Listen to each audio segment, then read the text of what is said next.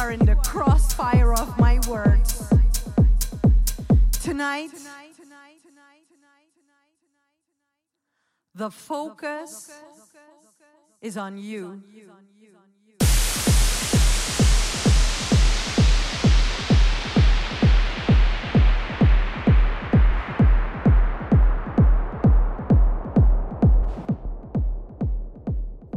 Uh, welkom bij inmiddels de derde podcast van uh, Theater Utrecht. In deze aflevering gaat uh, theatermaker Naomi Villisariu in gesprek met Erik van Eerdenburg, al twintig jaar roerganger van festival Lowlands. Aanleiding is Villisariu's voorstelling Pain Against Fear, het laatste deel van de theatertrilogie Permanent Destruction, gemaakt door Naomi Villisariu en Joost Maaskant in samenwerking met de Theater Utrecht.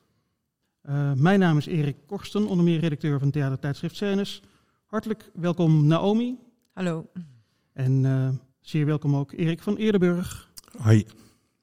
Naomi, als ik bij jou mag uh, beginnen.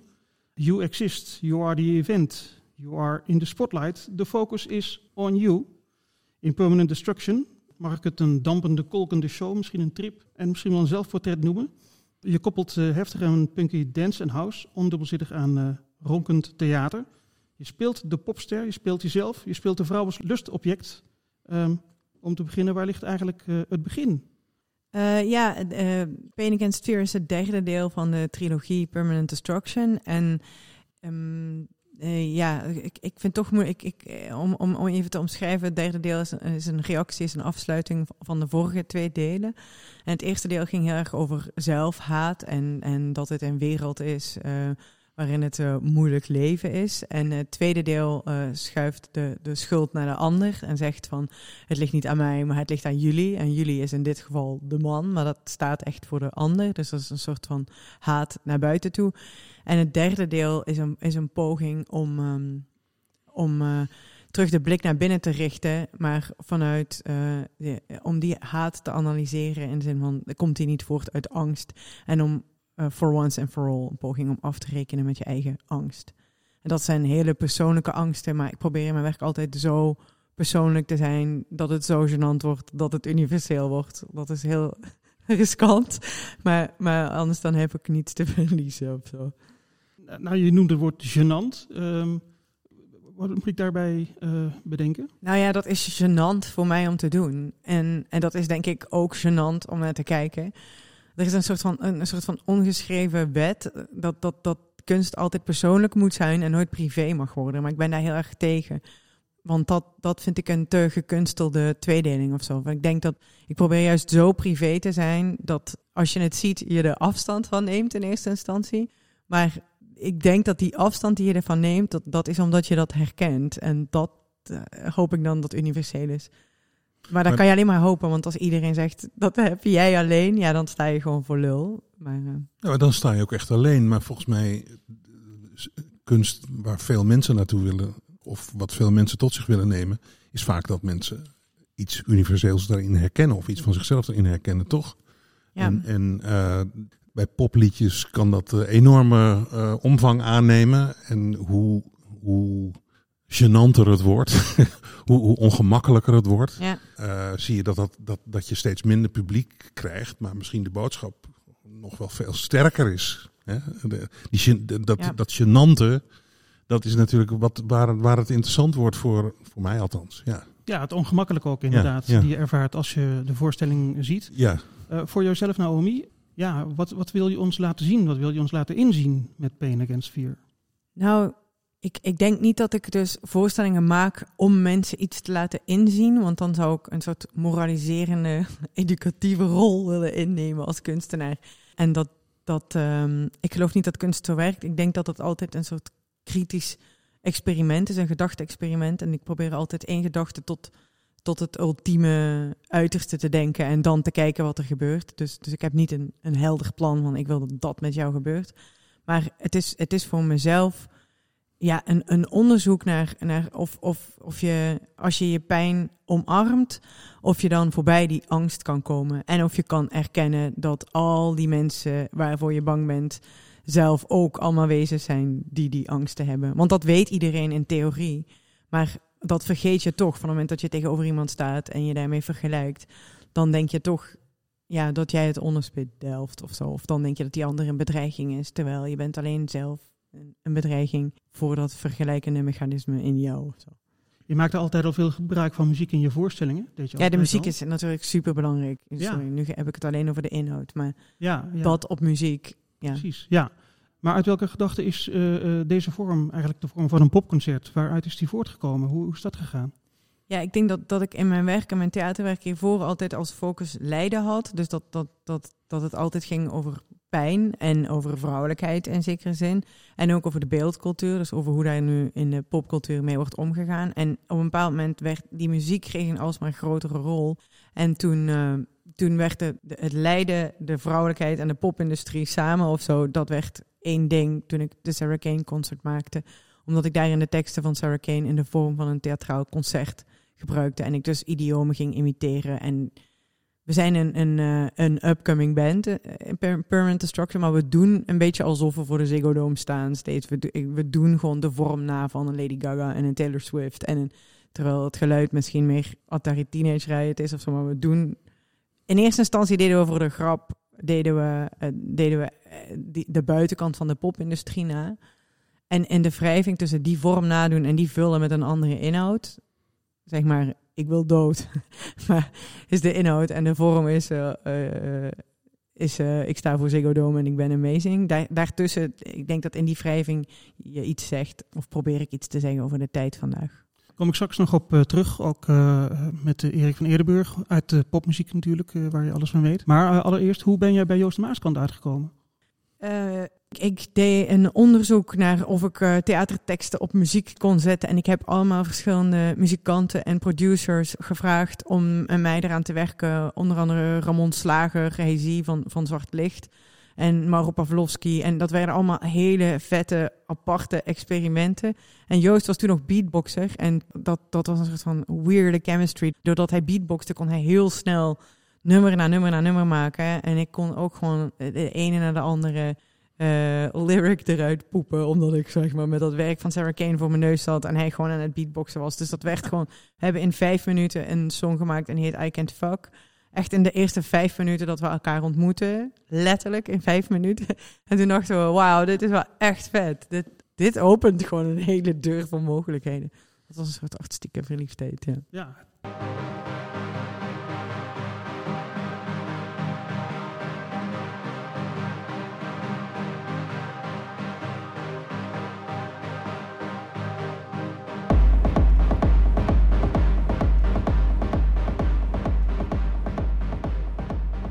Theater eigenlijk als een popconcert. Eh, Erik, eh, jij hebt die voorstelling gezien. Eh, de hele reeks ook trouwens. Ehm, nou ja, op Lowlands heb ik een stukje gezien van de eerste voorstelling. En ehm, later de tweede heb ik ook niet in het theater. Want ik, ik, ik, zie, ik zie altijd maar stukjes. Maar ik heb het later wel op film nagekeken, ja. En nou ja, wat, wat de, de opzet van Naomi is geslaagd. Want ik dacht als, als iemand die toch voornamelijk met popmuziek bezig is van... Ja, maar dit staat hier eigenlijk verkeerd. Eh, in de, in- bij ons in het Juliet Theater, daar, daar zitten 1200 stoelen. Dat zijn 1200 stoelen die eigenlijk op de capaciteit van populair comedy is. Maar met, met go- goede theatervoorstellingen eh, zit je op 500, 600 man die het goed kunnen zien. Eh, dans wil nog wel eens nog iets meer mensen trekken. Want het is natuurlijk een enorme bak. En ik zag bij Naomi dat de mensen allemaal van de stoelen af naar voren gingen. En ik dacht van ja, ja dit, dit is ook. Een, theater is eigenlijk minder de vorm waarin je, waarin, waarin je dit zou moeten brengen. Dit, eh, dit, dit, dit is. Ik, ik noemde het toen zo in mijn hoofd. Dit is de Ramstein van de techno. Hè, en niet omdat hij, vooral in de vorm, hè, dat je, dat je, dat je eh, en, en toen kwam ik Naomi een, een tijdje geleden daarna op een feestje tegen eh, en herkende haar als Naomi en zei van, ja, moet jij niet gewoon veel meer de- het clubcircuit in? Want eh, die, die, eh, ik vind zelf bij, bij techno, ja, dat is om te dansen en, en, en daar zit weinig tekst in. Maar je ziet wel een beweging ook dat, dat, dat, dat in de elektronische muziek eh, toch steeds meer weer teksten in gaan komen, meer melodie in gaat komen. En, en, en, en ik dacht dat dit is ook eigenlijk wel een hele goede vorm. of een hele goede stap zou dit kunnen zijn naar een serieuze band die gewoon doorgaat. Hè? Dus, dus, dus, eh, met een, met een zwaardere inhoud. En dat zal nooit een top 40 hitje worden. Je weet het nooit. Maar, maar eh, ja, ik vond het gewoon in die zin heel interessant om, om, om, om het daar eens over te hebben. Ja. Ja, ja. Naomi, een eh, popconcert in het theater, een eh, optreden in een clubcircuit. Hoe is dat voor jou? Ja, dat begint intussen een beetje een grap te worden. Dat mensen die het zien in theater, die komen allemaal naar me toe en die zeggen van... Ja, ik vond het wel gaaf, maar ik had zo graag gezien dat ik gewoon kon staan en dansen en drinken. En ik, ik wil dit echt heel graag in de club zien. En in, de mensen die... We hebben het wel eens op een club gespeeld en, en, ehm, en een keer op een muziekfestival. En dan komen mensen allemaal naar me toe en dan zeggen ze van... Oh ja, ik, ik vond het wel ik vond het wel gaaf, maar ik had wel echt nood om gewoon rustig te kunnen zitten en te luisteren en de tekst mee te krijgen en zo. Dus ik denk dat ik het echt heel graag in het theater wil zien. En dat, dat is, ja, volgens mij is dat gewoon fundamenteel. Dit, dit, dit betekent dat we het op al die plekken kunnen spelen en dat het altijd fundamenteel onbevredigend zal zijn, omdat dat zit in de vorm. Het zegt iets. Die clash tussen vorm en inhoud, dat zegt iets over, denk ik, deze tijd en over ehm, de, de manieren ook waarop we naar kunst kijken of zo. Dat mensen het gewend zijn, want het is of feesten, dus of je gaat helemaal uit je plaat en dan doet het er niet toe, of je gaat rustig zitten en dan naar hele hoge kunst kijken. Terwijl ik denk dat er heel veel mensen zijn die nooit naar theater gaan, die permanent destruction zouden kunnen begrijpen. En, en dat je gewoon ook in het theater veel harder kan feesten dan je nu doet. Ik kan me ook voorstellen dat je door uh, de verschillende uh, podia en dus ook festivals en clubcircuit op te zoeken, dat je ook een heel ander publiek bereikt. Is dat ook zo? Ja, nog te weinig, maar dat wil ik wel heel graag.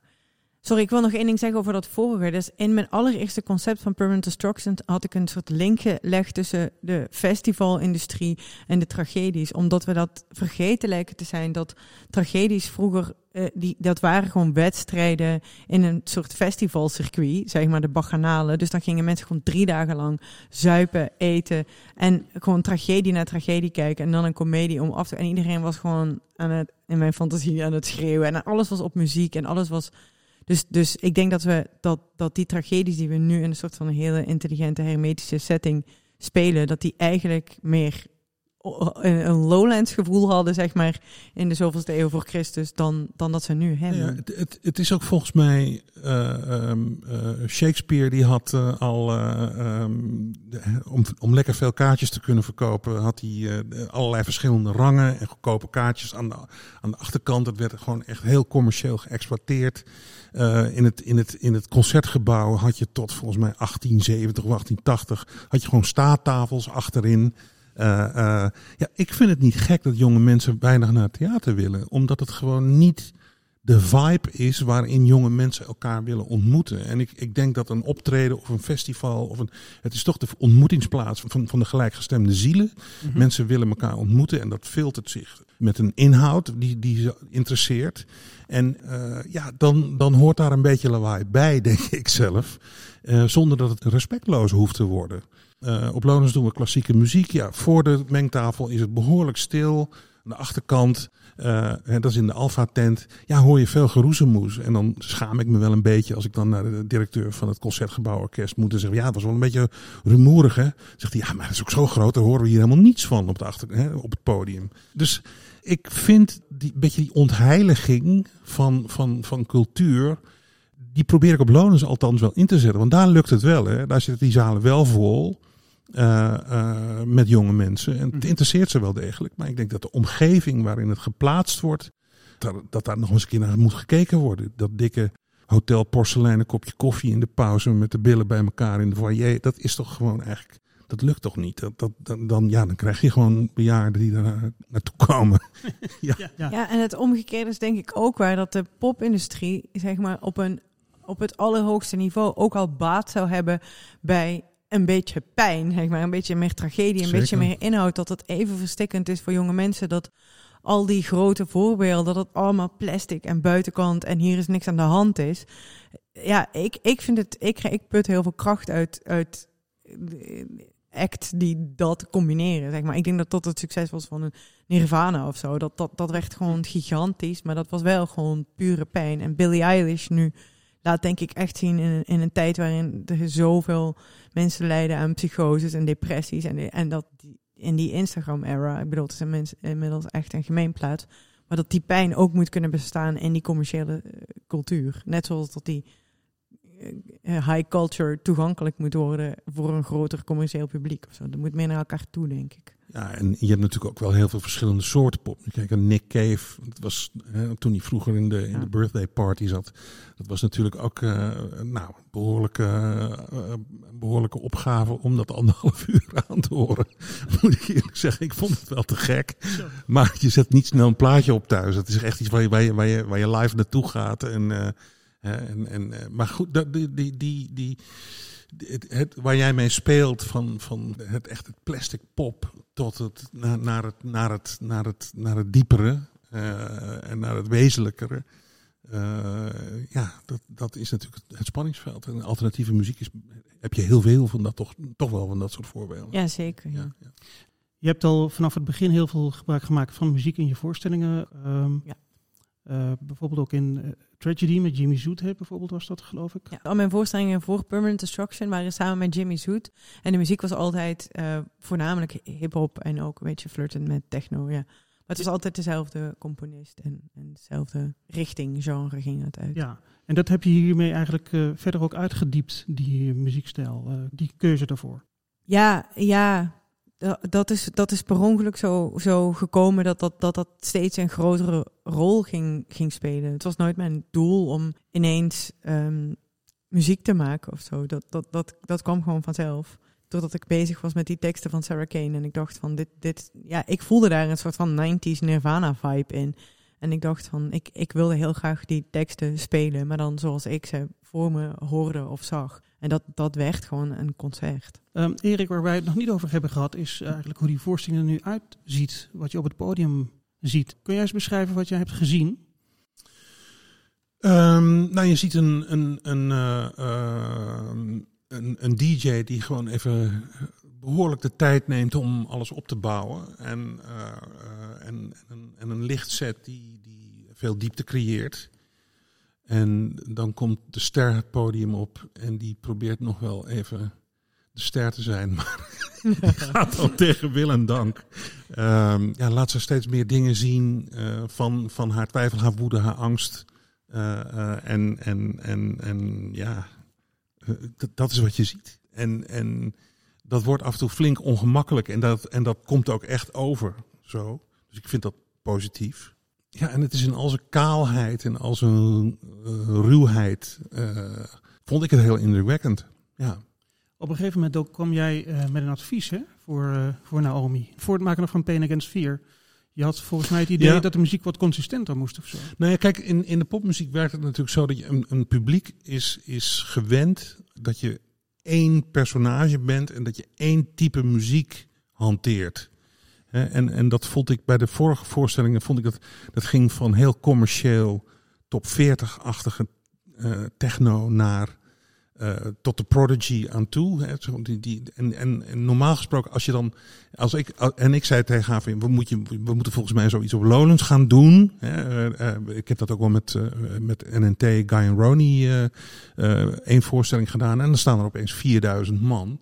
En om dan die bezwering erin te krijgen, moet je niet te veel wisselen van type muziek. Je mag wel wisselen van tempo, je mag wel wisselen van intensiteit, je mag wisselen van emoties. Dat is juist goed, dat geeft dynamiek.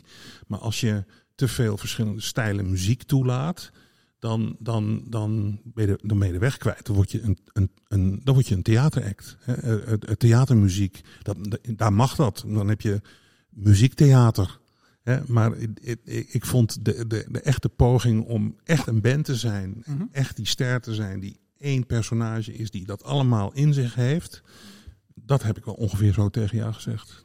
Ja, dat leverde ook iets anders op, omdat de, de, de verliefdheid met Joost, die ontstond vanuit het idee van, hey, ik kan best wel wat stemmetjes nadoen. Als in, ik kan gewoon even Drake nadoen, of we kunnen gewoon even Gaga gaan, of we kunnen even Rihanna. Dus we kunnen gewoon een paar grapjes maken, we kunnen gewoon de Prodigy doen. Als ik gewoon daar lang genoeg naar luister en hij kan gewoon die beat imiteren, dan kunnen we gewoon idiomen imiteren. En dat doen we in een verhaal wat verder inhoudelijk heel veel consistentie heeft. En de herkenning van die idiomen is ook de grap tussen dikke aanhalingstekens van die voorstelling. Dat mensen denken, oh shit, het is Drake, maar het is niet. Het is Serge Gainsbourg, snap je? Het is, het is... Maar dat is alleen maar vorm. Terwijl de, de, de vorm en de inhoud versterken elkaar meer als we vertellen nu onze inhoud echt in de vorm, niet ondanks de vorm of in een andere vorm. En we zijn, we, eigenlijk hebben we precies hetzelfde gedaan als de vorige twee keer, omdat we heel erg koppig waren. En in ons repetitieproces zijn we stilaan al die nummers gaan hermaken naar dance-nummers, omdat we dachten, het is nu gewoon zo één lange lijn, één lange pijntrip of meditatie. Of, dat het echt jammer is om even voor de grap een R&B-nummer of een rocknummer ertussen te gooien. Laten we maar alles dus het gaat nog steeds van drum bass naar hardcore, naar techno, naar house, wat best ver uit elkaar ligt.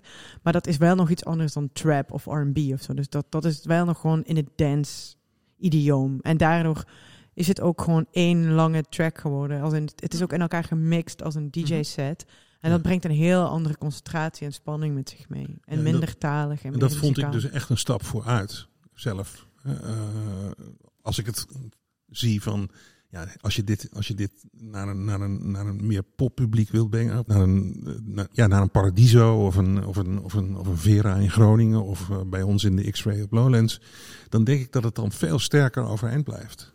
Ja, en en ik, ik denk dat het heel goed gelukt is.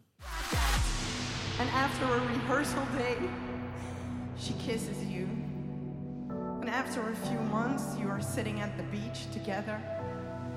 And she runs towards the shore.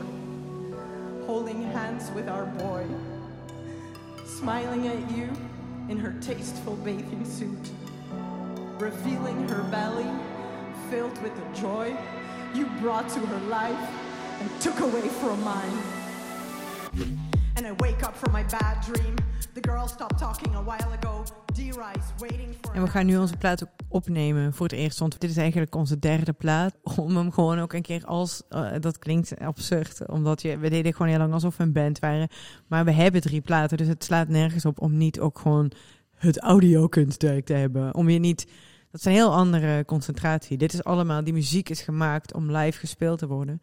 En dit is nu nog wel weer een andere job om. om een, een show te maken die je gewoon een uur kan luisteren, zeg maar. Oké, dus dan komen we toch dus. nog een keer Naomi Villasariu in de top 40 uh, Nee, dat denk ik. Ik denk dat een tussenplaats opnemen in de top 40 terechtkomen, dat daar een grote uh, weg tussen is. En vanmorgen vroeg iemand dat ook van, wat is het dan jouw doel om... Uh, om weet ik veel, om beroemd te worden van wat, wat is dan jouw stip op de horizon? En dat ik, toen zei ik ook van, ik zou, geen, ik zou alleen maar een Ziggo Dome willen als ik hele darke message mag brengen, snap je? Als, natuurlijk wil ik voor een vol joelende Ziggo Dome staan, maar dan wel echt met een boodschap die daar nog nooit gehoord is. Want anders is het ook maar gewoon exposure om de exposure of zo. En uh, ja, die boodschap, je hebt straks al wat thema's uh, genoemd en zo. Bijvoorbeeld uh, ja, de beeldcultuur, de popcultuur.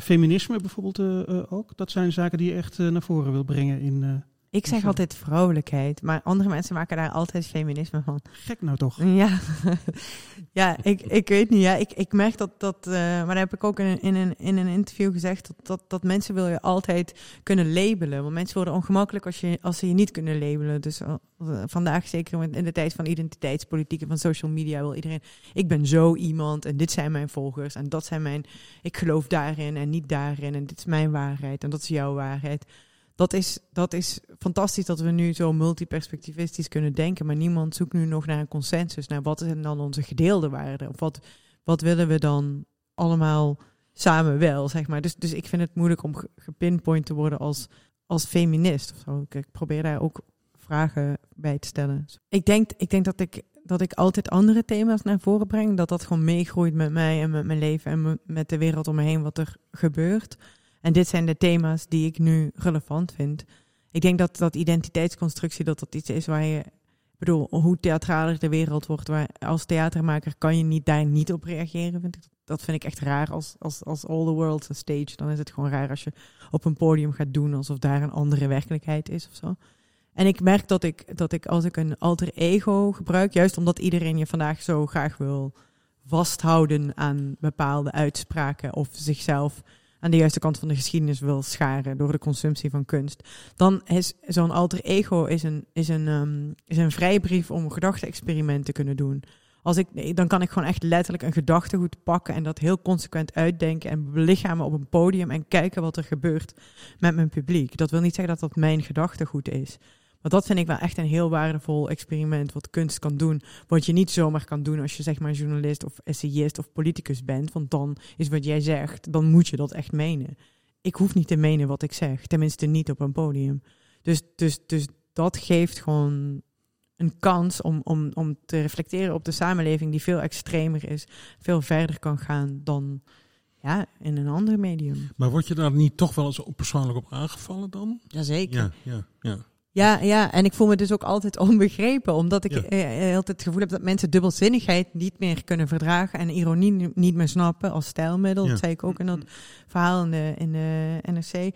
En waardoor dat mensen dus, ehm, ja, dat, dat had ik bij Rape Me Till I Come of zo, dat mensen de hele tijd, dat ik of de opmerking kreeg van mannen, wat fijn dat je aangeeft dat je verkracht wil worden, of dat vrouwen zeiden van, hey, eh, eh, wat fijn dat je in die HM-concert zegt dat alle mannen dood moeten, bij wijze van spreken. Het wordt dus tijd dat iemand het zegt.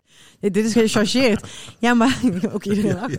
Maar, daar, maar, daar, maar dat is wel eh, dat ik denk, oh ja, dat, dat is dus, als je dus niet knipoog, knipoog, aanhalingsteken, aanhalingsteken doet, dan begrijpen mensen het niet meer. Dan kan, je kan gewoon echt een podium opgaan en, en, en zeggen rape me till I come of death of a whore of this is not a world in which I wish to live. En als je dat in een vorm giet waarin je een volksmanner bent, dus waarin je zegt good evening en iedereen gaat gillen, dan is dat gewoon de waarheid daar. Zoals dat op Insta de waarheid is. Dat, is fucking gevaarlijk. Maar dat moet je wel aankaarten in een vorm. Zeg maar. Ik kan ook een lecture performance geven of een podcast opnemen waarin ik dit zeg. Maar dat maakt denk ik minder indruk dan wanneer ik een liedje schrijf waarin ik zeg rape me till I come en aan het einde mijn longen uit mijn lijf schreeuw op vrolijke R&B muziek. Dat is denk ik iets anders of zo. Alleen dat is multi-interpretabel en dat is dan gevaarlijk. Maar ik denk dat het gevaarlijker is om dat niet te doen. Want dan ga je de hele tijd alleen maar bevestigen wat je al weet. En dat zie je ook op Insta en dat zie je ook in de media die je luistert. En dan, dan kom je weer die iedereen op zijn eiland en Mhm. laten we elkaar gewoon met rust. Maar dat, dat is denk ik niet... eh, Nee, maar het is natuurlijk nu in, in de hele cancelcultuur tijd wel eh, een, een, een stellingname die, die, nou ja, die, ik vind het moedig, maar andere mensen vinden het heel gevaarlijk. En, en, en het is ook heel moeilijk om je, om je tegen cancelcultuur te verdedigen. mhm. Het wordt natuurlijk heel snel verkeerd begrepen en mensen nemen niet de tijd om zich ergens in te verdiepen. Voor je het weet, eh, word je gestenigd door de woedende meute. Dus dat, dat is best, des te moediger vind ik dat je dit soort dingen juist dan doet. Ja, mensen willen gewoon heel graag het kunnen plaatsen. Dus als je dubbelzinnig bent, dan loop je meteen het risico om gekaapt te worden door extremisten van maakt niet uit welke richting of zo. Ja. Gewoon zeg maar, eh, je kan ook gewoon meteen je uitspraak, als ze, als ze zeg maar kritisch zijn op links, dan worden ze meteen gekaapt door extreem rechts. Maar je kan niet, als in dat zijn oude termen, maar, maar, maar je kan niet. Je kan, ik kan dat niet dan maar aanvaarden of zo en Nee. het dan niet doen. Met het risico ja, dat is weer een technisch verhaal. Maar, maar mensen, wat ik nu voel, is dat social media zoveel invloed hebben op wat als relevant wordt ervaren, dat zij de publieke opinie bepalen. En de publieke opinie bepaalt beleid. En beleid schrijft mij voor wat relevant is. Maar dan krijg ik indirect het gevoel dat ik voorstellingen moet maken over wat social, zeg maar, over wat influencers relevant vinden in de wereld. En ik wil bepalen wat ik relevant vind in de wereld. En al de rest is daaromheen. Ik neem mezelf daarin super serieus als kunstenaar. Ik denk gewoon, ik bepaal dat en mijn publiek bepaalt dat. En de ontmoeting tussen ons twee, dat is waar het om gaat. En al de rest is daar omheen om die ontmoeting te faciliteren. En that's it. Maar ja, dat ben je gewoon, dat is gewoon een schreeuwende woestijn. Dat snap ik ook wel. Want dat kan alleen maar als je zeg maar 26.000 volgers hebt. Wordt dan gewerkt? Ja, ja, ja, zeker. Ja. Ja, Ja, ja, en dan ja. hopen dat ik in de tussentijd niet moet inboeten aan, aan de complexiteit van de boodschap. Want de wereld is fucking ingewikkeld. Ja, Naomi op eh, Lowlands. Hoe zou dat vallen? Ja, dat weet ik niet. Dat is ook een experiment. Kijk, ehm, eh, we hebben twee jaar geleden hebben we Mechanical Ecstasy gedaan van eh, NNT Guy Roney. Een voorstelling die normaal gesproken voor 300, 400 man in het theater staat. En ik werd gebeld door hun of we dat niet eens op een andere manier konden aanpakken. Dus hebben we in de India-tent gedaan, waar 5.000, 6.000 man in kunnen. Eh, en dan, ja, die hele set die moest er nog s'nachts in. Dus ik dacht op de, op de scheiding van dag naar nacht. Eh, dat is, dus eigenlijk waren ze ook nog de hoofdact in de India bij ons. Dus eh, van een van die grote tenten. Ja, ik wist het ook niet. Ik vond de muziek goed. En ik vond de, de, de, de mise en scène vond ik goed. En ik, ik dacht van ja, nou laten we maar doen. En eh, als het mislukt, ja, dan is het mislukt. Jammer, we hebben het geprobeerd. En dat viel gewoon echt super goed. En, en daar stonden denk ik wel 4, 4.500 mensen mee te eh, juichen op iedere aangifte. En dat er ook af en toe een stuk van een speech van Hitler in zat. Dat, dat was, wel, was, wel, was, wel, was, wel, was wel schurend. Ja, en ik vond het wel heel, ik vond het wel heel goed. En eigenlijk wil ik dat soort dingen meer doen. Ik vind dat die schotten naar beneden moeten. En, ik, vind, uh, en, ik, en ik denk dat daar bewezen is dat het kan. En, en, en ik probeer mijn netwerk dan ook in te zetten voor Europese festivals. Zodat ook dit soort, uh, dit soort, dit soort voorstellingen, schuine streep muziekoptredens um, uh, Europa in kunnen. En ik, ik, denk dat dat belangrijk is. Ik, ik, ik denk dat dat nu is, snap je? Uh, uh, dat is theater van nu, die relevant is nu, die gemaakt wordt door mensen van nu, met een, met een visie op nu. En, en, en, en waarom, waarom zou dat niet kunnen? En um, dat, dat, dat dat geen makkelijke weg is, dat snap ik zelf ook. Maar laten we het proberen, dacht ik. Ja. Nou. Naomi, het is uh, oorspronkelijk natuurlijk als drie luik uh, bedoeld, Permanent Destruction. Komt er nog een tijd dat ze een keer alle drie achter elkaar mm. op een dag, een middag, een avond, een nacht. Ja, die dromen zijn wel, ja. Ja, ik ben dat aan het proberen ik ga dat proberen voor elkaar te krijgen om dat, uh, om dat snel te, te doen. Ik wil dat heel graag. En ik vind het ook, het zijn echt kunstwerken waar ik, waar ik in totaal dan vijf jaar van mijn leven in heb gestoken. Ik vind het echt raar als dat de hele tijd, als, als dat alleen maar binnen één circuit heeft getoerd. Dat heeft 30 speelbeurten voor wat 100 man, nu 30 man of 200 man.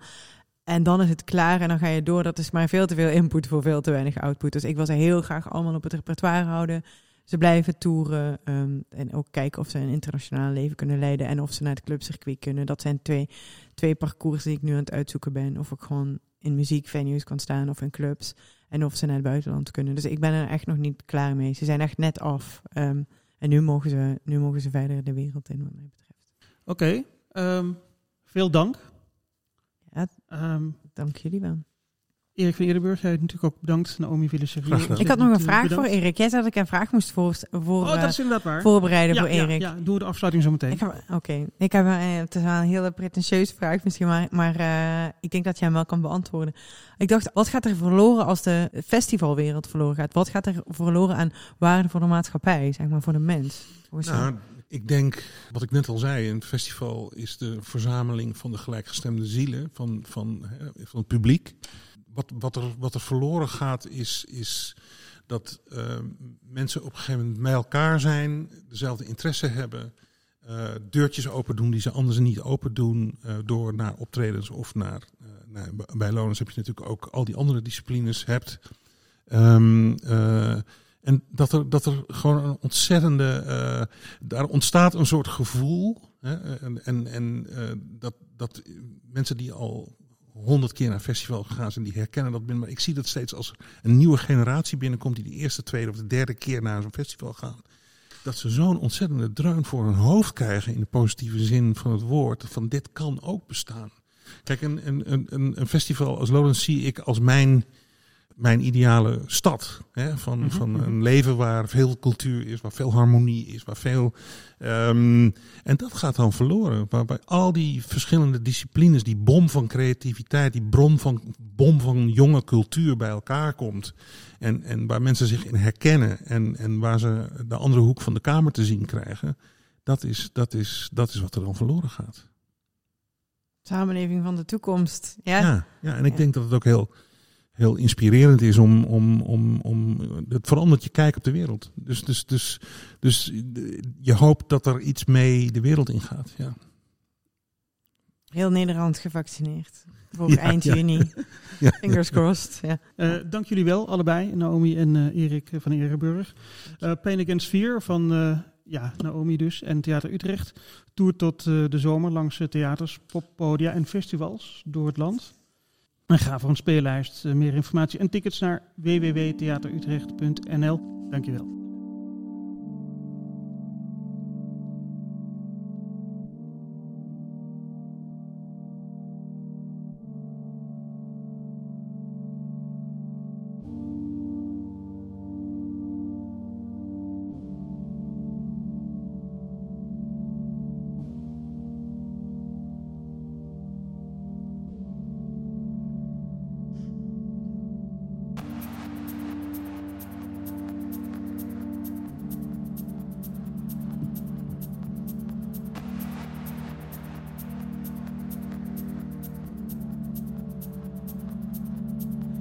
Day, you came into this world. Your shoulder slipped between your mother's legs. You craved your mother's breasts. All you knew was to suck. Your afterbirth was thrown away.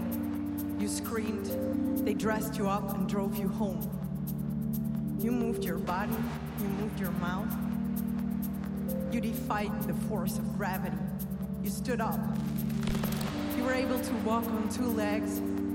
You learned the difference between here and there, mine and yours. You played with dolls. You played with blocks. You said your name. You said I.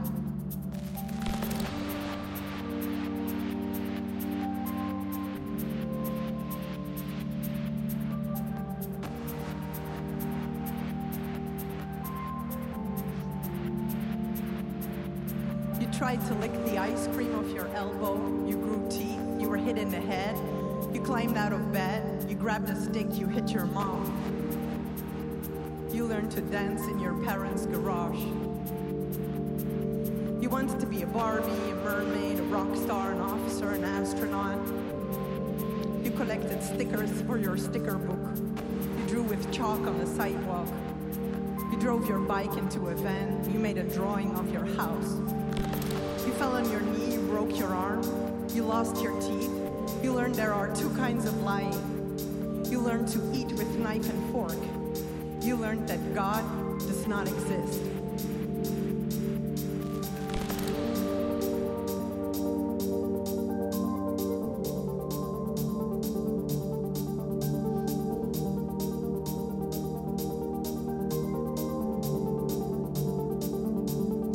You got braces, you got pimples, you got fat. You learned to crave, you learned to cry in the night. You learned to French kiss with a tablespoon. Afternoon. You woke up sick. You listened to music, you ate Snickers, you read Tolkien, you saw Titanic.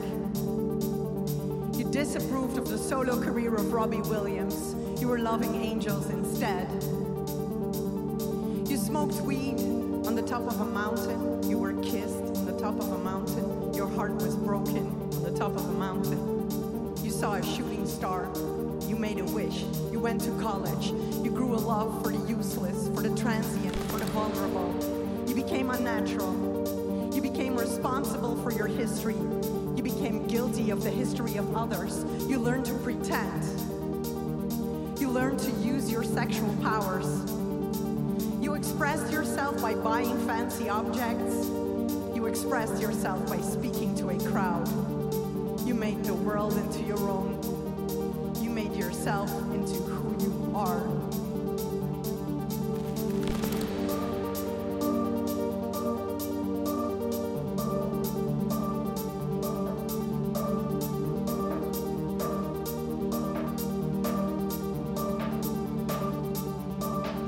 You met the love of your life. You lost yourself in another person. The love of your life found the love of his life. You chose to live for your career. You turned your passion into a hobby. You punished yourself to protect yourself from being hurt. You became addicted to attention. You met the love of your life. You bought a house, you drove a car, you lived in peace. You ran away, you left the country,